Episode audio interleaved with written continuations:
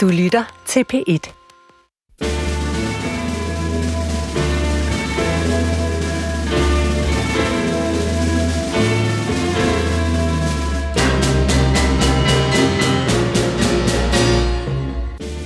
Antallet af hvilelser i Danmark per år er egentlig relativt stabilt, omkring 30.000 årligt.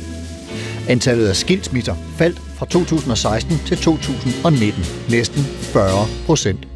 Men i 20 var skilsmisserne i vejret igen, tilbage til 2017-niveauet. Måske fik coronaen folk til at fortryde at være gift. With this ring.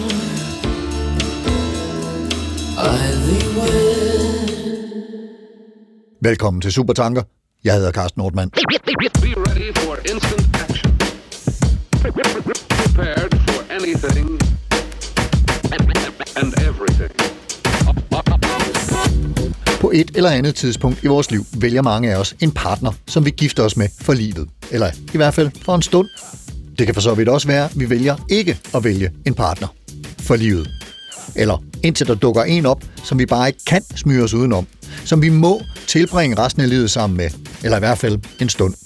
Altså, hvis det bliver for surt eller kedeligt, eller vi holder op med at elske hinanden, så kan vi jo vælge at fortryde den der ægte pagt, vi har indgået, juridisk eller kirkeligt, eller hvordan den nu er etableret. Og så kan vi vælge solotilværelsen, eller polyamorien, indtil vi vælger noget andet. For vi kan altid vælge at søge en partner, en ægtefælle, en elsker, et liv, et tillidsforhold. Der er så meget, vi kan vælge. Den eneste ene, den eneste anden, den eneste tredje, eller bare mig. Og mange af valgene er lige gyldige i den moderne verden. Christian Lundsgaard Let, filosofilærer på den internationale højskole i Helsingør og Ph.D. i filosofi med afhandling om Søren Kierkegaard. Velkommen til dig. Mange tak for det, Carsten. Lad os lige starte med at høre, øh, hvad din øh, relation til Søren Kierkegaard er. Jamen altså, min øh, relation til Kierkegaard går faktisk øh, langt tilbage. Også nogle gange sådan, jeg i dag kan blive lidt overrasket over, hvor langt den egentlig går tilbage. Altså, jeg har skrevet øh, afhandling om Kierkegaard, især hans forståelse af håb, øh, for lidt kortere tid siden på Aarhus Universitet. Øh, men jeg har faktisk øh, allerede, mens jeg gik på en øh, friskole i Herning, hvor jeg kommer fra, der hedder Bifrost, øh, været på en eller anden måde lidt optaget af kirkegård. Altså det, øh, det lykkedes min far for... Øh, det må være fire eller fem år siden i en eller anden øh, kasse på loftet, simpelthen at finde et lille projekt om kirkegård, som jeg har skrevet i, jeg kan ikke huske, om det var 6. eller 7. klasse. Imponerende. Ja, det, det synes jeg nærmest også selv ikke. Om jeg så har forstået noget som helst af det på det tidspunkt, det kan jeg være noget mere i tvivl om. Øh, jeg kan også huske, at min øh, øh, farmor, som var relativt optaget, øh, altså boede på et kloster i en periode, og var optaget sådan af Slyk og Løstrup og Kirkegård, sådan, hun forærede mig sådan en VHS-bånd og øh, en Anne Regit Sevil film om Kirkegård, som jeg simpelthen også altså, sad og så, og på en eller anden måde var, var optaget af, altså allerede som dreng simpelthen, så jeg kan sgu ikke helt finde ud af, om jeg, det er noget, jeg er stolt af, men det er i hvert fald et, et meget gammelt mellemværende. Øhm, Et langt forhold, I har haft til hinanden. Det er det. Og det er et Søren Kierkegaard øh, citat, vi skal tale om i dag. Det er selvfølgelig derfor, jeg trækker ham øh, på Ja, banen klart. her. Og øh, vil du ikke lægge, lægge for med simpelthen at, øh, og, og, og læse det citat højt? Jo, det vil jeg gerne. Øhm, jeg bladrer lige ind her på øh, i enten ellers første halvbind, og så læser jeg det meste af det. Ja. Øhm, Gift dig, du vil fortryde det. Gift dig ikke, du vil også fortryde det. Gift dig eller gift dig ikke, du vil fortryde begge dele. Enten du gifter dig, eller du ikke gifter dig, du fortryder begge dele. Le ad verdens storskaber, du vil fortryde det. Græd over dem, du vil også fortryde det. Le ad verdens storskaber eller græd over dem, du vil fortryde begge dele. Enten du ler af verdens storskaber, eller du græder over dem, du fortryder begge dele. Fornemmer man ligesom lidt, at Kierkegaard har gang i, eller æstetikeren har gang i lidt sådan en rablende rammesæk. Så gentager han den her formel med troen pige, du vil fortryde det, osv. Hæng dig eller hæng dig ikke, hvad enten du hænger dig eller ej, du vil fortryde begge dele, og slutter sig af med øh, øh, følgende sætning her. Dette, mine herrer, er indbegrebet af al levevisdom. Så er det, så er det Præcis. på plads. Og det citat, det kommer vi til at tale meget mere om. Ikke mindst den første del, øh, som handler om at gifte sig eller ikke gifte sig. Og øh, der øh, får vi også øh, lidt, lidt, lidt bidrag og input fra dig, Nila Maria Schris, direktør i Encounter og psykolog og parterapeut. Velkommen til dig. Tak skal du have. Din relation til Kirkegaard, hvordan ser den ud? Jamen altså, jeg er ikke øh, lige så stærk som, øh, som min medgæst her, men alle kender jo Kirkegaard, og øh, har selvfølgelig været igennem noget, øh, noget af hans forfatterskab, fordi man jo, det er jo en del af pensum, kan man sige, øh, i gymnasiet og så videre. Så, øh, men, men ellers så, øh, så må jeg sige, at jeg ikke øh, er vældig stærk i uh, Kirkegaard. Du har ikke skrevet Ph.D. om Kirkegaard. Nej, det har jeg ikke. Men til gengæld så øh, er du en, øh, en, en øh, rigtig dygtig parterapeut og øh, psykolog, og, og lad os lige høre lidt om, hvad det er, der har trukket dig øh, i den retning, altså hvad, hvad det var, der tiltrækker dig ved parterapien, og som du gør, at du synes, at det er både sjovt og, eller, eller interessant i hvert fald, og mm-hmm. vigtigt. Jamen altså på studiet, der kunne man vælge et valgfag, der hed parforholdets psykologi. Og øh, det var jeg ret draget af, fordi det, det er jo spændende for rigtig mange mennesker, det med kærlighed. Jeg var også på det tidspunkt midt 20'erne, som for rigtig mange jo også er et tidspunkt, hvor man skal til at finde en partner osv. Så, videre. så, så det var noget, jeg sådan øjeblikkeligt synes var interessant. Og da jeg så havde faget, der fik jeg bare endnu mere bekræftet, hvor spændende det egentlig var, det med parforhold og partnerdynamikker og, og, og kærlighedens mysterium. Da jeg så blev færdiguddannet som psykolog, så var noget af det første, jeg gjorde, det var faktisk at tage en uddannelse i parterapi.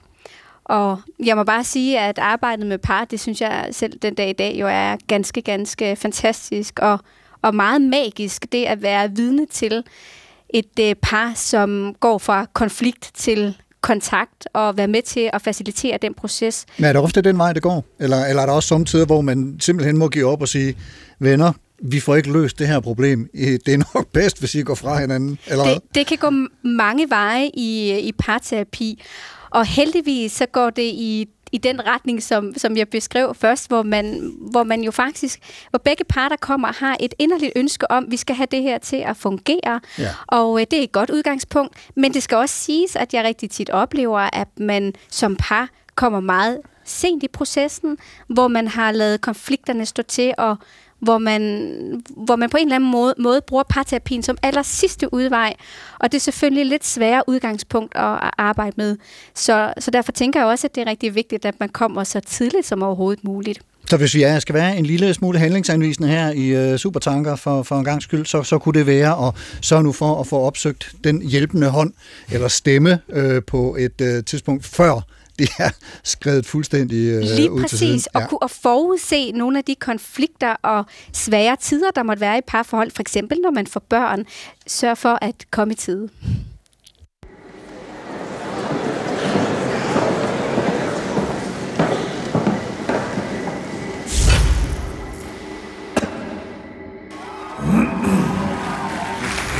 Min drømmebi, hun har blå og grønne øjne.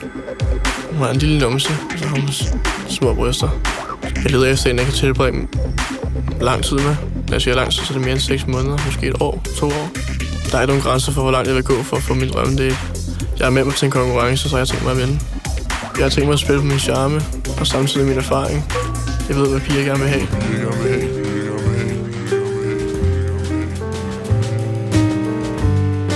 Vores kærlige og målbevidste ungersvend fra TV3's program Drømmedate er klar. Klar til at kaste sig ud i et forhold i mere end 6 måneder.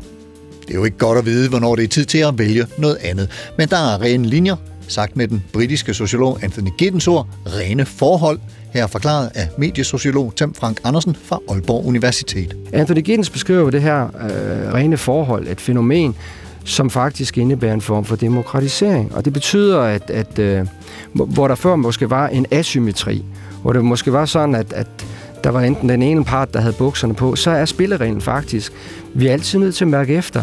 Og øh, du har lige så vel som jeg mulighed for at enten sige, skal vi ikke prøve det, og lige, altså holde øh, øh forholdet kørende, eller er det ikke nu, vi skal træffe en beslutning? Øh, og så måske gå hver til sit og søge nye græsgange. Altså der er sådan en, en, en, en demokratisering af det, som, som Anthony Giddens ser som positiv. Men der er en følelsesdimension omkring det her, fordi det der med at knytte an til andre mennesker, øh, et andet menneske på en, en, en på mange måder øh, intim og, og, og stærk måde, altså det er ikke, det er ikke bare som et, et kollektivt produktionsfællesskab, ikke, hvor man fokuserer på det instrumentelle. Altså der er nogle følelser i spil, og, øh, og, og, og den måde, som Giddens beskriver det på, der er han jo ikke så meget inde omkring det emotionelle. Han siger bare, det eksisterer der, og så snart man begynder at prikke ved det emotionelle, så får man en erfaring i forhold til, øh, hvordan er jeg så udrustet til næste gang? Skal jeg være lidt mere mistroisk næste gang, jeg finder en kæreste eller en partner?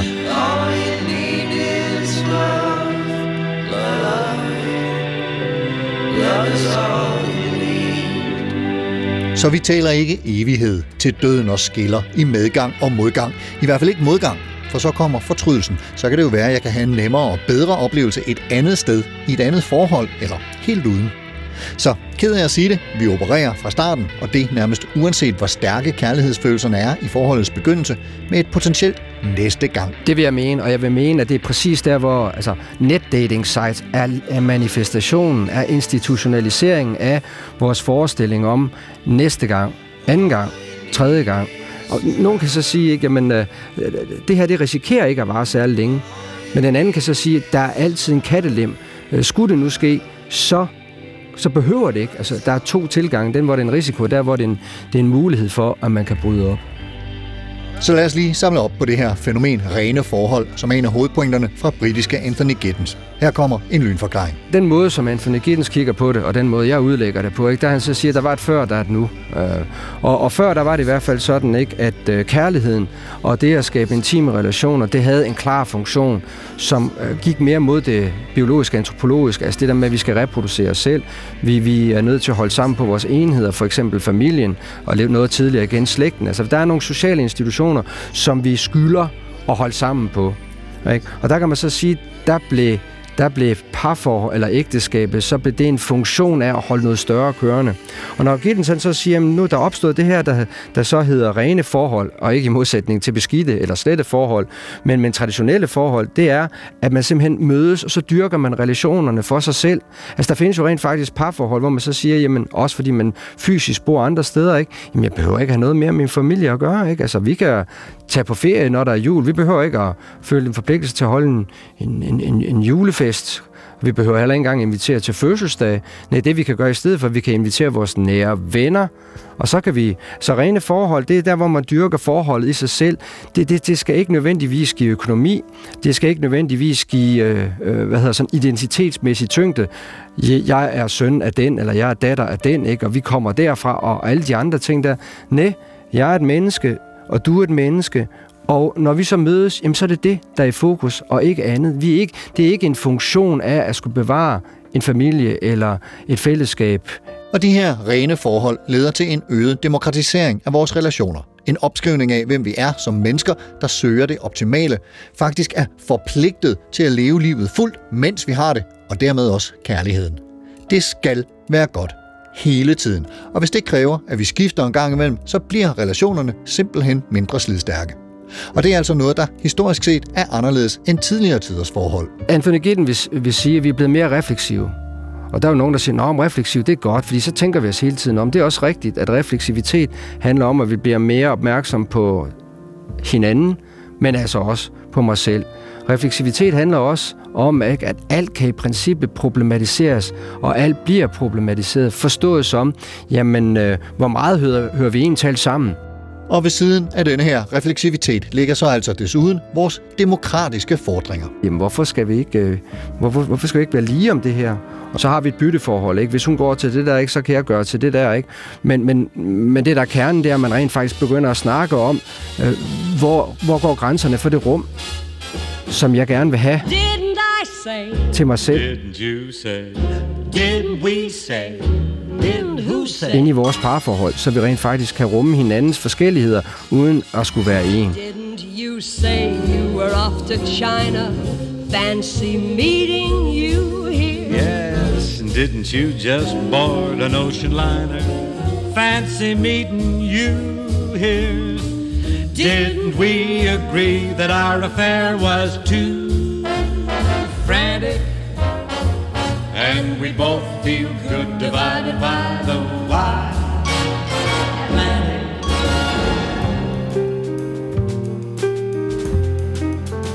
Altså, jeg, jeg, har, det, jeg har sådan en, en, en metafor, jeg bruger for det her med, med, øh, med individualisering. Ikke? Altså, at det her menneske, der står her, uanset om man søger kærlighed, intimitet, eller man spar, bare søger sjove oplevelser, at man står over for tre døre. Og- fordi vi er refleksive, så er vi simpelthen så overvågne. Vi er skarpt jagttagende. Vi kigger på de her døre, vi vurderer dem, vi mærker på dem. Er de varme, er de kolde, er de bløde, er de hårde? Vi ser på farvenuancer osv. Vi begynder at lave hypoteser om, hvad man der gemmer sig bag ved døren. Og så kommer det så. Når vi så efter moden overvejelse, ligesom når man har siddet øh, på en søgemaskine og så fundet ud af, hvad er det så det rigtige, eller på netdating, så hvad er så lige det rigtige, hvad, hvad skal vi lige satse på, så vælger man døren. I det øjeblik, at man lige får døren op på bare et lille klem, og man luften den lige kommer ud, så ærger man sig over, at man ikke har prøvet de to andre døre. Så fortryder man. Ikke lige præcis i det øjeblik. Ikke noget med at insistere på, og det her slidstyrken kommer ind. Jamen lad os så lige prøve at gå ind ad døren. Lad os lige prøve at mærke efter, hvordan det er. Øhm, og det kunne også godt være, ja, det er måske ikke det fedeste, men nu giver vi lige et års tid eller to. I det øjeblik, at vi lige får åbnet døren, og det første glimt, så ærger vi os. Det kan godt være, at vi vælger at gå ind ad døren, men den der ærgelse, den forsvinder ikke. Og man kan så sige, skal det oversættes til kærlighedsforhold, men så er det jo præcis det der ikke med, at når man så finder partneren, så et eller andet sted i, den, i, i, i det menneske, eller de, det pars senmoderne bevidsthed, øh, så er der den her tvivl, det er måske, øh, det er måske så kraftigt et ord, men der er i hvert fald den her, det her, det behøver ikke komme til at vare evigt, og det i sig selv behøver ikke at være negativt.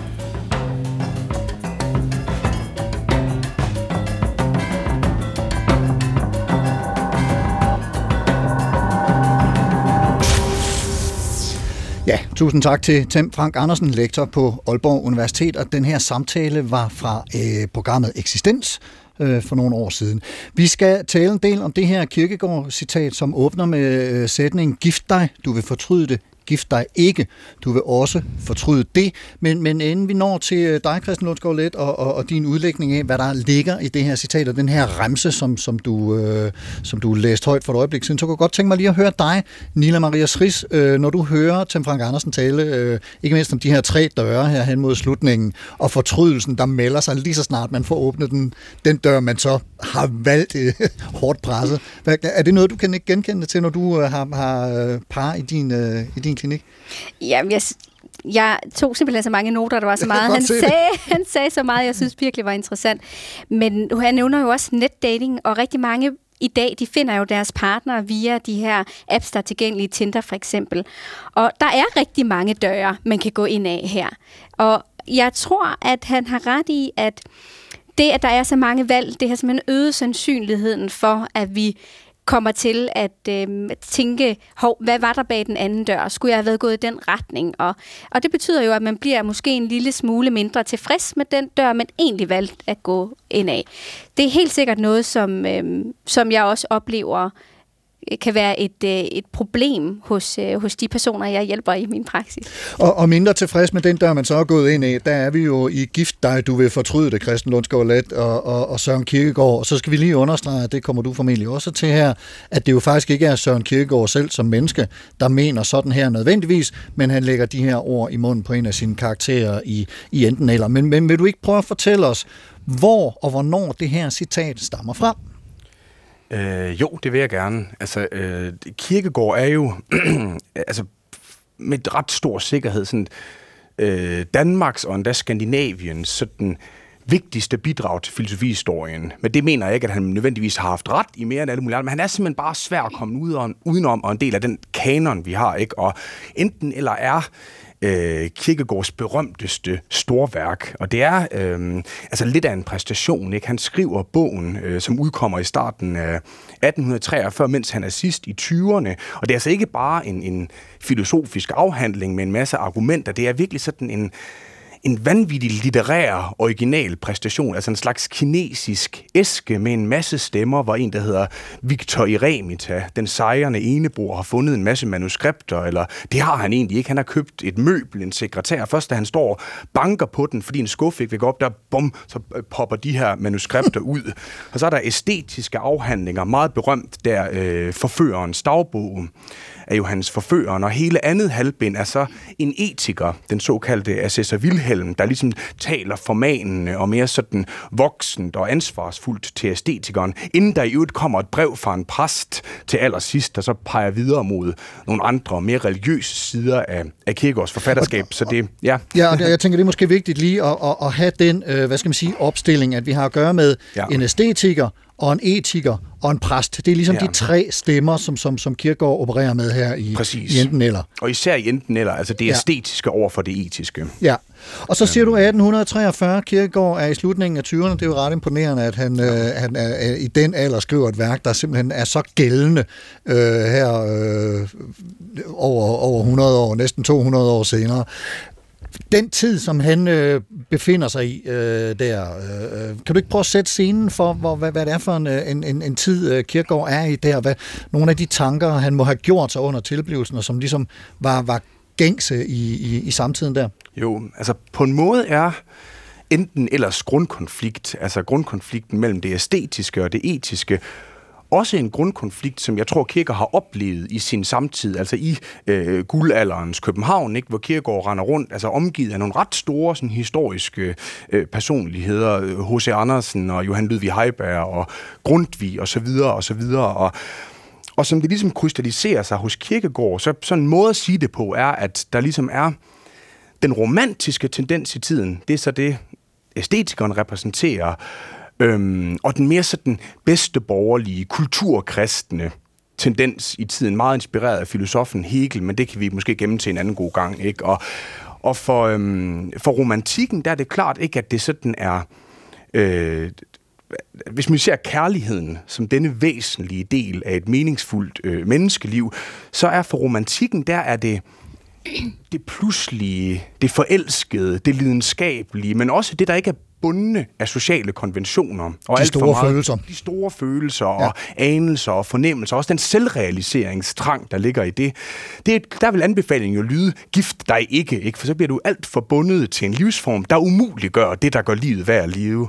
Og på den anden side har man så den der mere bedste borgerlige, etiske, øh, kulturkristne livsanskuelse, hvor meningen jo er, at kærligheden skal finde sig til rette i det borgerlige ægteskab. Ikke? Nu det, taler han fra mandens synspunkt, ikke som ansvarlig ægte mand og far og dommer, der ligesom gør sin pligt. Og, øhm, og der, hvad kan man sige, den form for øh, æstetiker Kierkegaard lader komme til ord i, i dag, dagens citat, er så på en måde ikke en, der tror så meget på den der romantiske fortælling om, at man bare kan leve lykkeligt i forelskelserne og impulserne. Han har på en måde gennemskuet, at jamen, vi står i en slags uløselig situation, et slags dilemma, ikke? Hvad enten du gifter dig eller ikke gifter dig, du vil fortryde begge dele, for romantikeren mangler den stabilitet og forpligtelse og intimitet, der er i at binde sig til noget, ikke? Og øh, ægtemanden eller ægteskabsformen mangler så det impulsive, det spontane, det lidenskabelige, det ægte, ikke? Og så der er det virkelig sådan en æstetiker på, på næste niveau, ikke, der sådan siger, jamen altså, hvad end du vælger, så er denne grundkonflikt uløselig. Og det, det griber han altså sådan i sin samtid, den, den konflikt her. Og Nina Maria Schris, øh, kan, kan, du se noget i vores tid, der minder om det, som, som Christen fortæller her om, om uh, Kirkegårds tid, om, om måden at tænke kærlighed på, altså mellem de her to poler, der hedder den stormende, store følelse, forelskelse, og så den lidt mere satte, tæmmede, disciplinerede, bedsteborgerlige øh, eksistens? Ja. Jeg tænker, at det er en meget aktuel konflikt, at du på den ene side, der har du lidenskaben og forelskelsen, og på den anden side, der har man i dag logistikken og børnene, der skal hentes, og øh, øh, øh, Jobbet, der skal passe. jobbet, der skal passe, to, to, par i, øh, to personer i et parforhold, der arbejder, og så videre. Og det er jo også en af, hvad kan man sige, Esther Perels øh, pointer, at det er rigtig, rigtig svært at forene de her to modpoler. Og nu nævner du lige, øh, jeg skal lige ind her, fordi Esther Perel, øh, berømt øh, psyko, psykolog, Terapeut, ja. terapeut, ja, Ja. ja. som øh, har både skrevet et antal bøger og også laver en glimrende podcast. Videre, undskyld. Lige præcis en meget inspirerende psykoterapeut, som netop peger på, at de her, øh, at de her to, at det, der er en konflikt, og den konflikt, er, det er vigtigt at være opmærksom på den, fordi at forelskelsen, den ved vi, vi ved fra forskningen, at den vil simpelthen stille af, og, og Det har vi den- neurologisk bevis for vi har, simpelthen. vi har simpelthen beviser for det, ja. og, og derfor så øh, kan det være godt at være bevidst om, hvis man altså er kommet derhen, hvor man har en strategi øh, i retning af at jagte forelskelsen hele tiden. Øh, det kan også gøre noget i forhold til at justere lidt på vores forventninger til ægteskabet og det mere satte parforhold.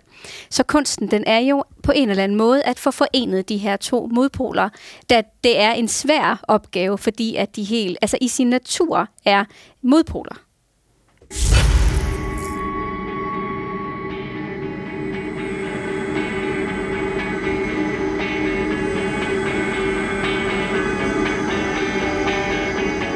Life's but disease that could always change with comparative ease. Just given the chance.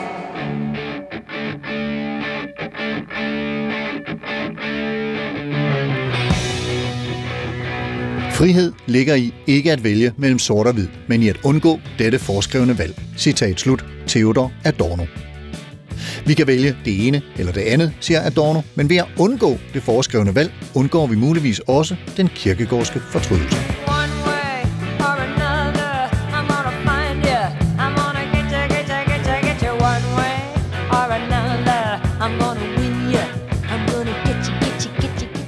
Når vi står ved køledisken i supermarkedet og vælger den fedt marmorerede bøf fra, tager vi et valg.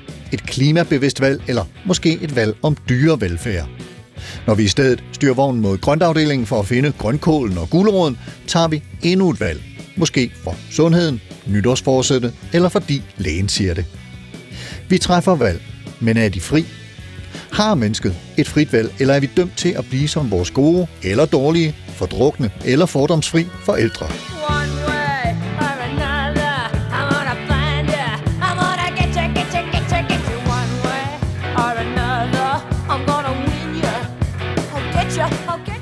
Spørgsmålet, om vi er forudbestemt til at følge arv og miljø, eller har muligheden for at bryde med det, er problemet om viljens frihed. Vi kan enten føle os overbevist om, at alle handlinger er bestemt på forhånd af forudgående begivenheder, det kaldes determinisme, eller vi kan tro på, at mennesket selv bestemmer, hvor det ender, det kaldes en determinisme. Især i den filosofiske tænkning eksistentialismen vendes valget. Fraværet af mening med livet fører til angst og usikkerhed, men gennem valget at træffe et valg overkommer man angsten og giver mening til livet. Det er imidlertid ikke kun beslutningen, der er vigtig. Det er også det ansvar, man tager for sine valg, der betyder noget.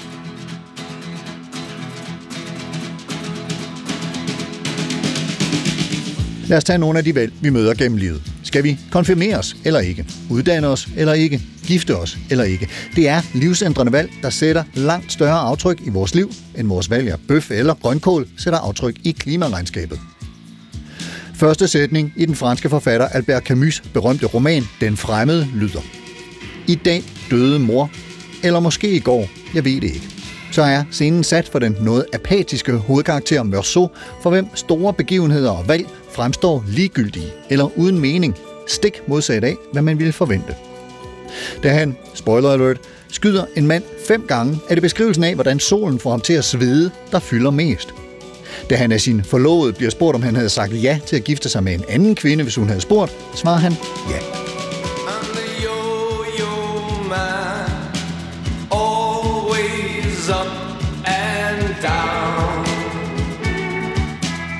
Men de store valg har ikke altid været store, eller vores egne.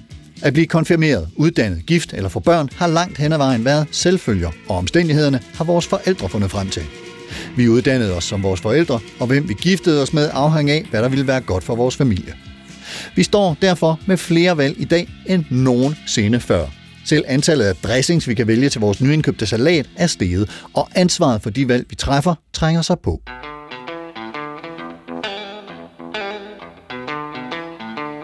At antallet af valg, både i livet og i supermarkedet, er steget, er både godt og skidt.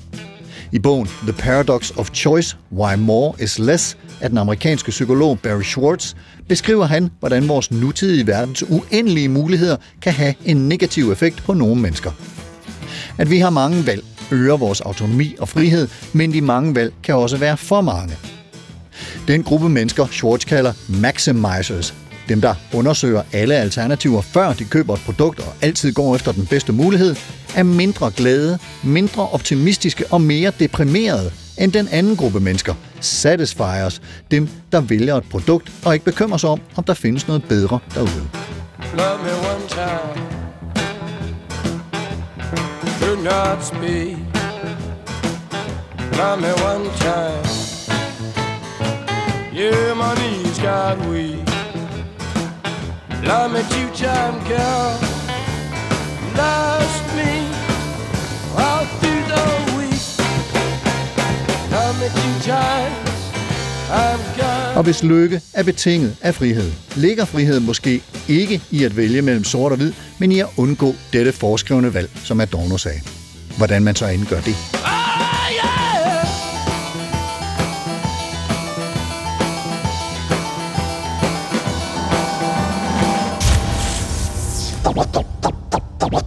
Would you mind saying that again? Gift dig, le af verdens dårskab, græd over den, tro en pige eller lad være, eller hæng dig. Uanset om du vælger at gøre en af de fire ting, eller vælger ikke at gøre den, så vil du fortryde det. Det mener i hvert fald forfatteren Victor Eremita, et pseudonym for filosofen Søren Kierkegaard, som lægger ordene i munden på karakteren æstetikeren i romanen Enten eller fra 1843. Og Christian Lundsgaard Let, filosof, Kierkegaard, ekspert og filosofilærer på den internationale højskole i Helsingør.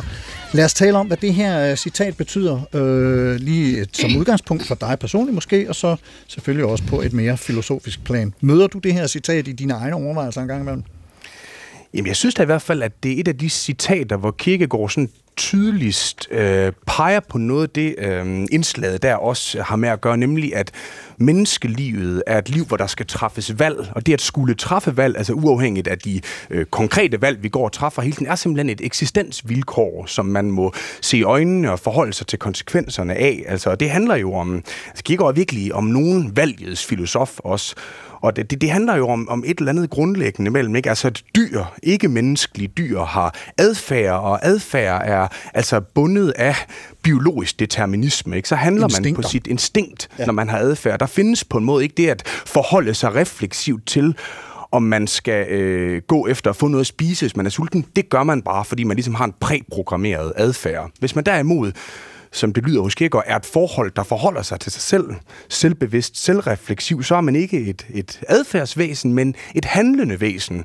Så har man alle mulige muligheder for at gå i forskellige veje, i modsætning altså til en rev, som altid vil have en revagtig adfærd, eller et øh, æren, som nødvendigvis må gå efter at blive et egetræ, og ikke kan gå efter alle mulige forskellige ting. Men den, den frihed, der så også ligger i at være et, et, et øh, selvrefleksivt frihedsvæsen, er jo så netop også øh, beængstigende. Der følger en form for angst med, ikke? Og den øh, æstetikerstemme, som vi jo ikke skal forveksle med Kierkegaard, som du også siger, men som så kommer til ord her, er jo en, der sådan bliver meget, meget fortvivlet over det, det grundlæggende valgvilkår. Fordi at det ikke, der, han har på en måde tabt troen på, han er blevet desillusioneret omkring det der med, at hvis vi gør det ene, gifter os, eller ikke gifter os, eller øh, tror en pige, eller ikke tror en pige, eller altså som den virkelig meget markante yderste livsmulighed, ikke hænger os, eller ikke hænger os, så det kommer aldrig til at øh, ende godt på en måde. Han har på forhånd gennemskuet, forud for nogle konkrete valg, at der ikke findes de rigtige valg, og så sidder han som en slags tilskuer til tilværelsen og er blevet deprimeret, vil vi nok sige i dag. Hos Kierkegaard er, er termen nærmest en form for åndelig fortvivlelse.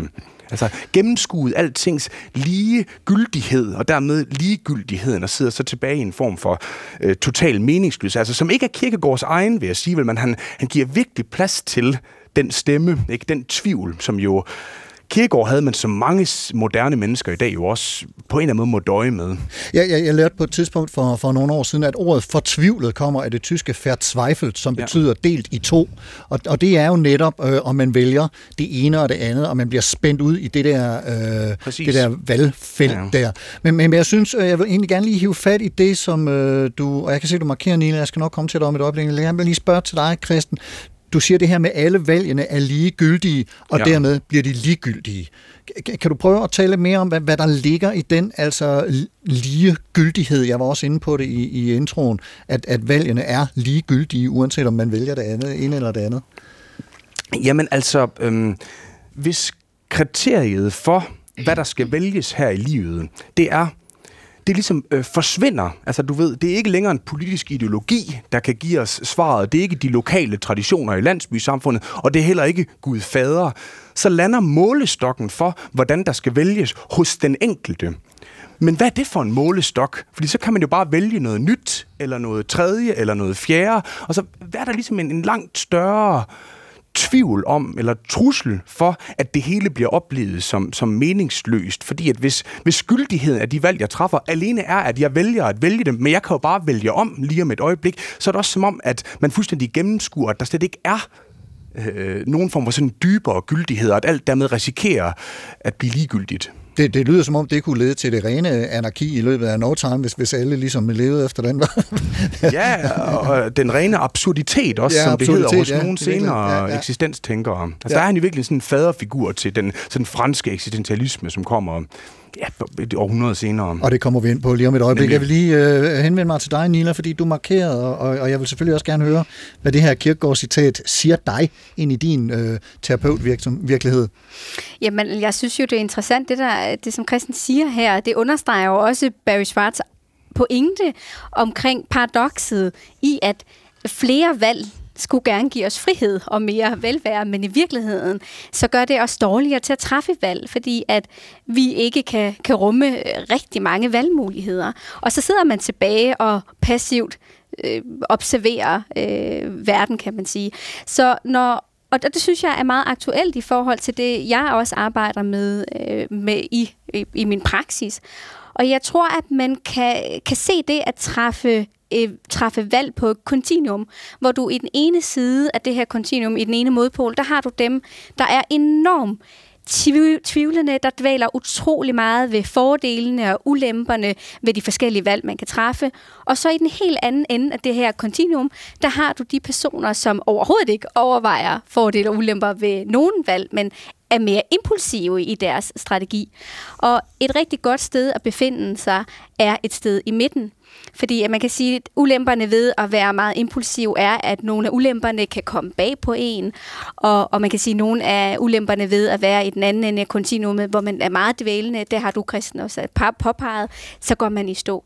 Så et rigtig godt sted at være i midten, øh, det er et sted, hvor man både kan kan forudsige, analysere fordele og ulemper, men man også træffer et valg og accepterer, og det var noget af det, jeg hæftede mig ved, du sagde, angsten, at man accepterer og kan rumme noget af den ængstelighed, som jo også kommer med at træffe store valg i livet.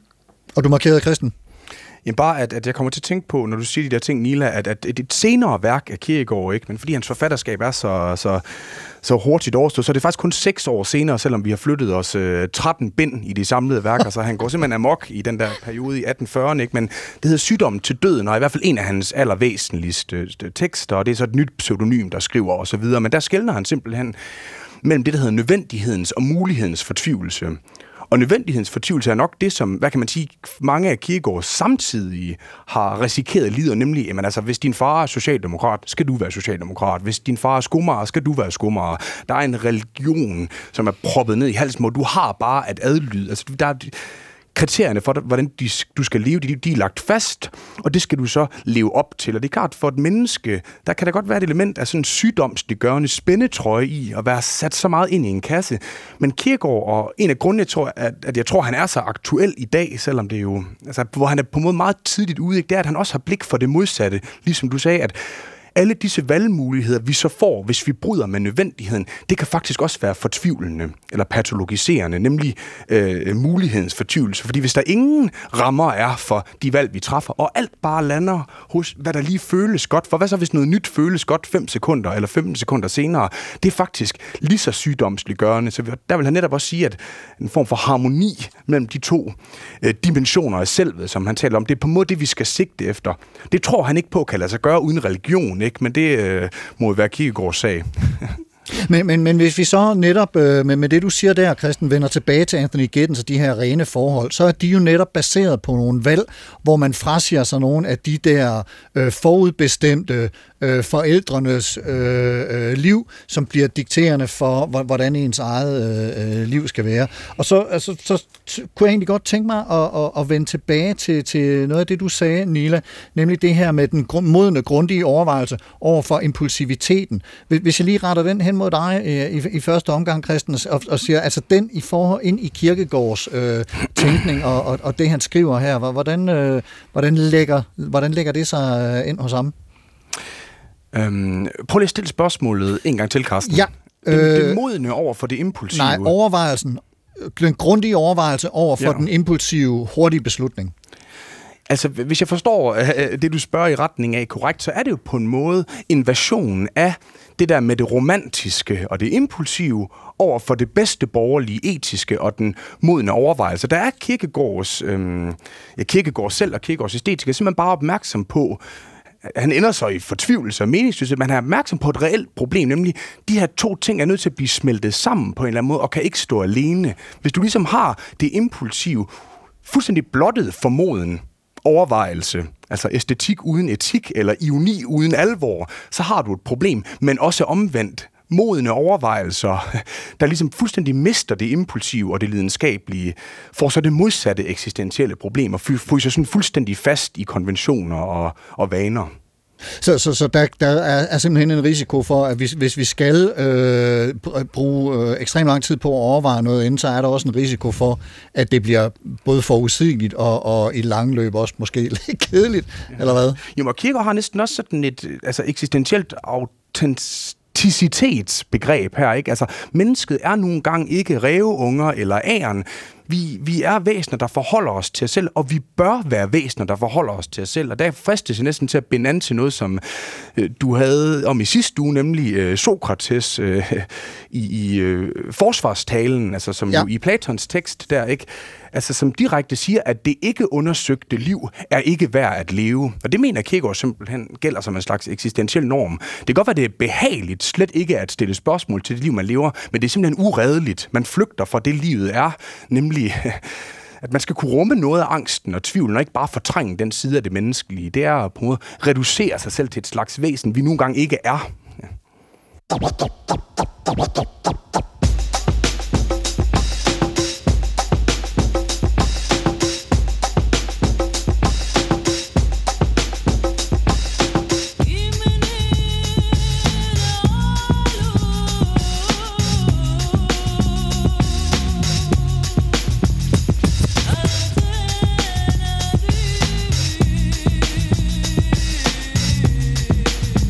Uh, would you mind saying that again?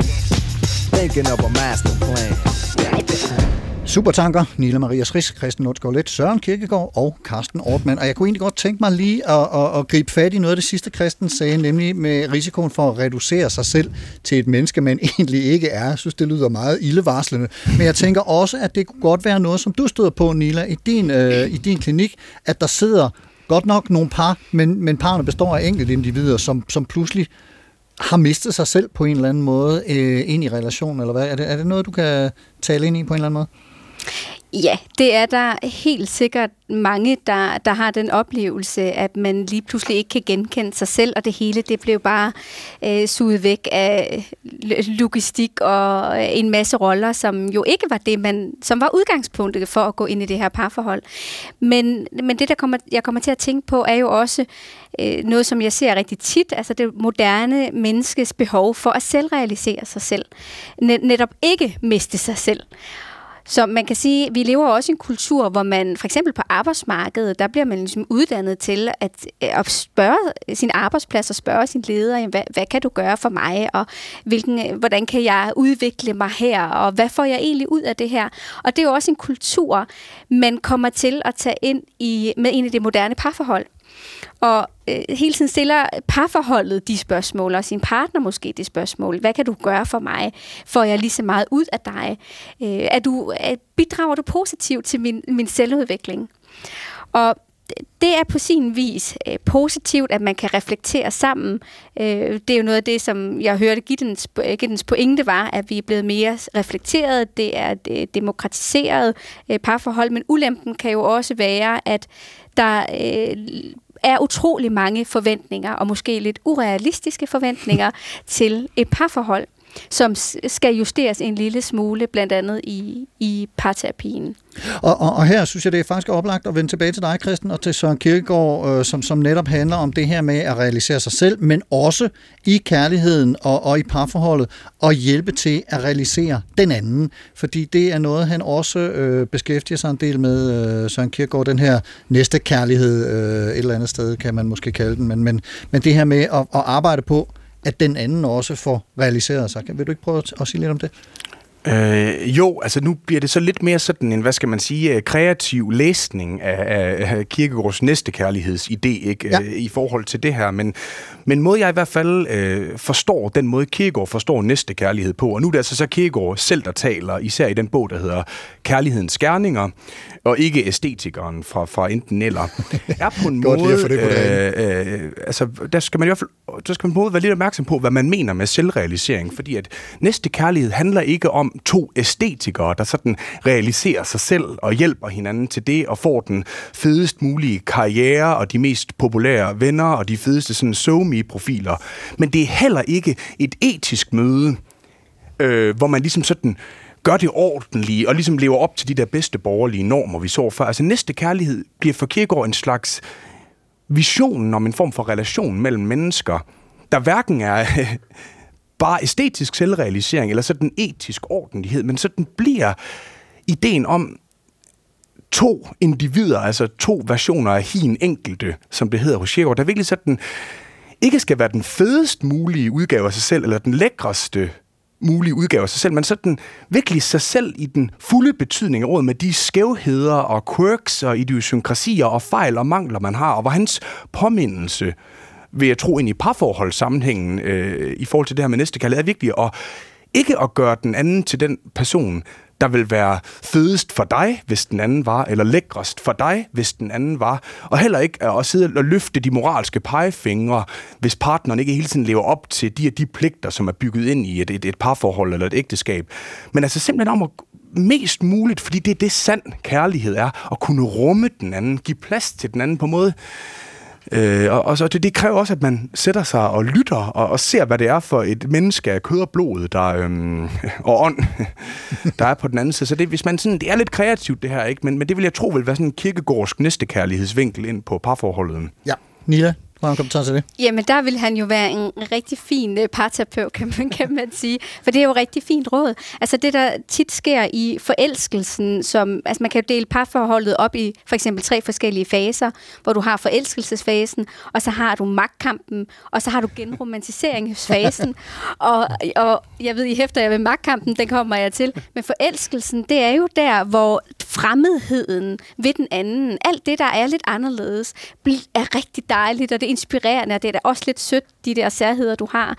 Og så går man sådan lige så stille, glider man jo ind efter et halvt år til et år, hvis man er rigtig god, så forsvinder forelskelsen. Så kommer man ind i magtkampen, hvor, øh, hvor nogle par ikke lykkes, netop fordi at forskellighederne og fremmedheden, den kommer virkelig til udtryk, og lige pludselig går det op for en, at hov, min partner var ikke bare til for mig, det er ikke bare en forlænget arm af mig, men min partner har egne holdninger, andre interesser, og noget, der er, noget jeg faktisk er uenig i. Og der går vi så lige så stille hen, hvis man er rigtig god, hen i genromantiseringsfasen, og det er der Kirkegårds råd er rigtig godt, fordi det netop handler om, at man vælger hinanden på ny. At man kan rumme og acceptere og finde det inspirerende, at den anden person har en fremmedhed i forhold til en, er anderledes. Øh, og, så- og det er jo det, der ja. gør, det lykkes. Perfekt. Og, der, og så er vi tilbage ved valget øh, i et eller andet omfang, Christen, og, og der, det vil jeg gerne bruge som, som anledning til lige øh, her øh, ganske kort, og, og sige lidt om, hvad det her citat, eller i det hele taget Kirkegårds øh, skriverier, har haft af videre liv, fordi han har jo inspireret nu, og vi er inde på, på øh, det 20. århundredes eksistentialister, øh, og nogle af de tanker, de har gjort sig. Øh, kan du sige lidt om, hvordan... Øh, både det her citat, og måske også mere bredt Kirkegårds øh, øvre, er, er levet videre i, i moderne tænkning? Altså, vi har været lidt inde på det før, ikke? Ja. Men, men nu kan jeg så gøre det mere eksplicit. Altså, at Kierkegaard, der, der, øh, religionen og Gud spiller en stor rolle hos ham, ikke? Og man kan ikke fortælle om Kierkegaard uden at gøre den indrømmelse. Men det er stadigvæk en religion, som virkelig er ikke på en måde er noget, man kan vide noget om eller bevise. Så filosofisk set kan man sige, at, at Gud er død hos Kirkegård, selvom det først er Nietzsche, der sådan 50 år senere slår Gud ihjel med den der berømte replik, at Gud er død. Og der, der lægger han sig virkelig som sådan en tidlig eksistensfilosofisk eller eksistentialistisk figur, hvor når, altså Gud er jo på en måde et ord, der repræsenterer den sådan ultimative målestok for, at der simpelthen er op og ned i universet. Der er noget, der er godt, og noget, der er ondt, og Gud er garanten for det her hierarki mellem det rette og det, og det forkerte. Og hvis så han på en måde bliver slået ihjel, i hvert fald i, i overført forstand, så står vi jo tilbage med det der problem, vi også talte lidt om tidligere, ikke?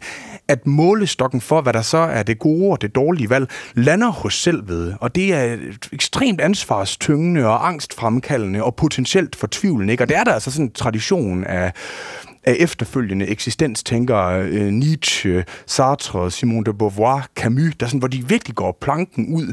De dropper så øh, den religiøse option, ikke? og siger bare, der er absurditeten tilbage, meningsløsheden, og det er jo virkelig en... Øh, altså, de skulle nærmest... Øh, øh, mere enige med den æstetiker, der taler her i de religiøse foredrag. Der er ligesom ingen dybere mening med det hele, så du må skabe din egen mening nærmest i, i protest mod sådan universets kosmologiske meningsløshed eller absurditet. Så den, den tradition, den, øhm, den er han på sin egen særpræget måde med til at kickstarte. Forgænger for. Ja. ja.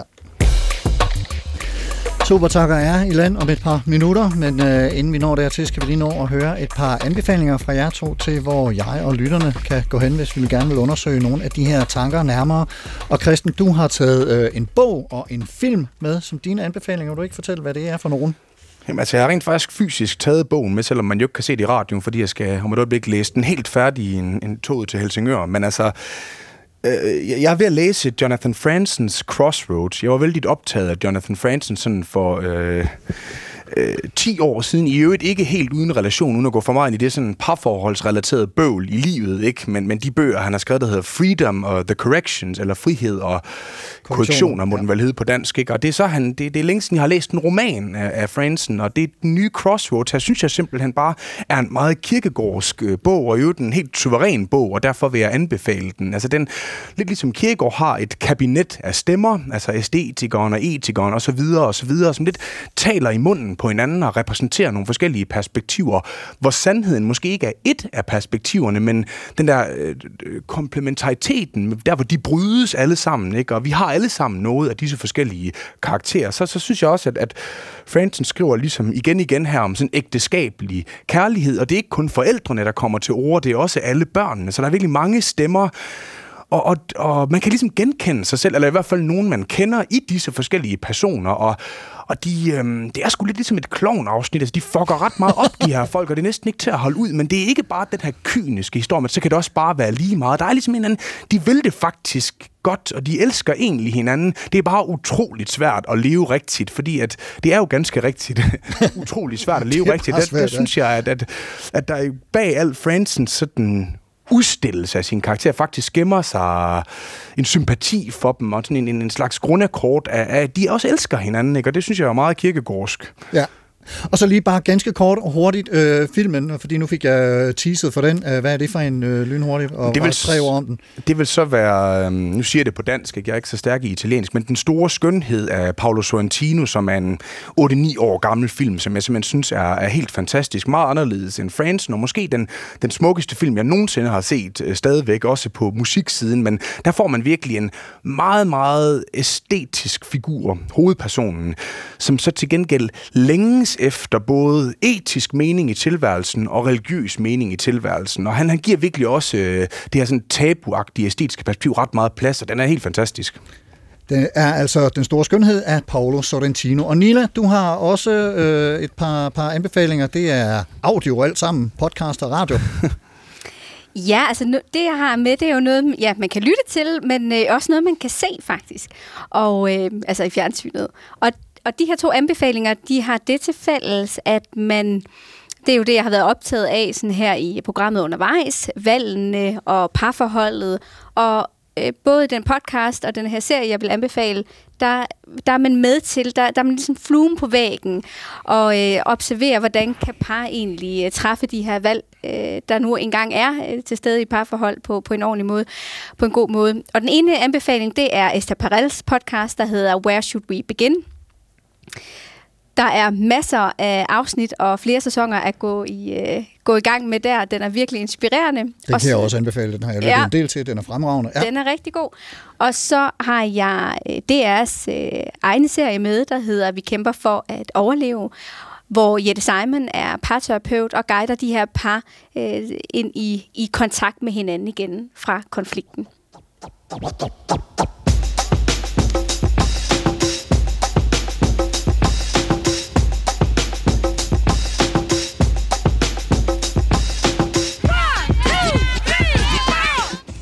Smukt rundet af der. Det var simpelthen den super optankning, øh, vi nåede fra i dag. Vi er på vej mod land. Christian Lundsgaard Let, filosofilærer på den internationale højskole i Helsingør, med en Ph.D. i filosofi og en afhandling om Kierkegaard i bagagen. Tusind tak, fordi du kom og var med til at fortælle om Kierkegaard og hans udsagn om at køre det ene eller det andet. Vi kommer til at fortryde det uanset. Tak for det. Selv tak. Og Nila Maria Stris, direktør i Encounter, psykolog og parterapeut. Tusind tak også til dig for at berige os med dit selskab og din erfaring fra parterapien. Selv tak. Og som altid naturligvis mange, mange tak til dig, kære lytter, for at lytte med. Hvis du kan lide det, du hører, så del det med dine venner, uanset om de har valgt ægteskabet eller ej. De vil ikke fortryde at lytte til Supertanker. Man kan høre og genhøre denne her udsendelse i DR Lyd, og hvis du har ris, ros eller idéer til programmet eller andet, du gerne vil kommunikere til mig, så skriv en mail til supertanker eller gå ind på Facebook-siden Carsten Ortmann Radio og kommenter der. Der lægger jeg også anbefalingerne og lidt links. Programmet i dag var tilrettelagt af Astrid Pedersen og mig. Jeg hedder Carsten Ortmann. Programansvarlig er Gustav Lytsøft. Ha' en rigtig god uge og på genhør.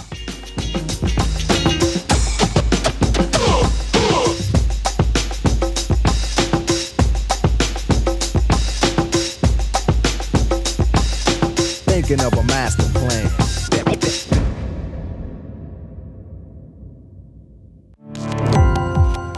Gå på opdagelse i alle DR's podcast og radioprogrammer. I appen DR Lyd.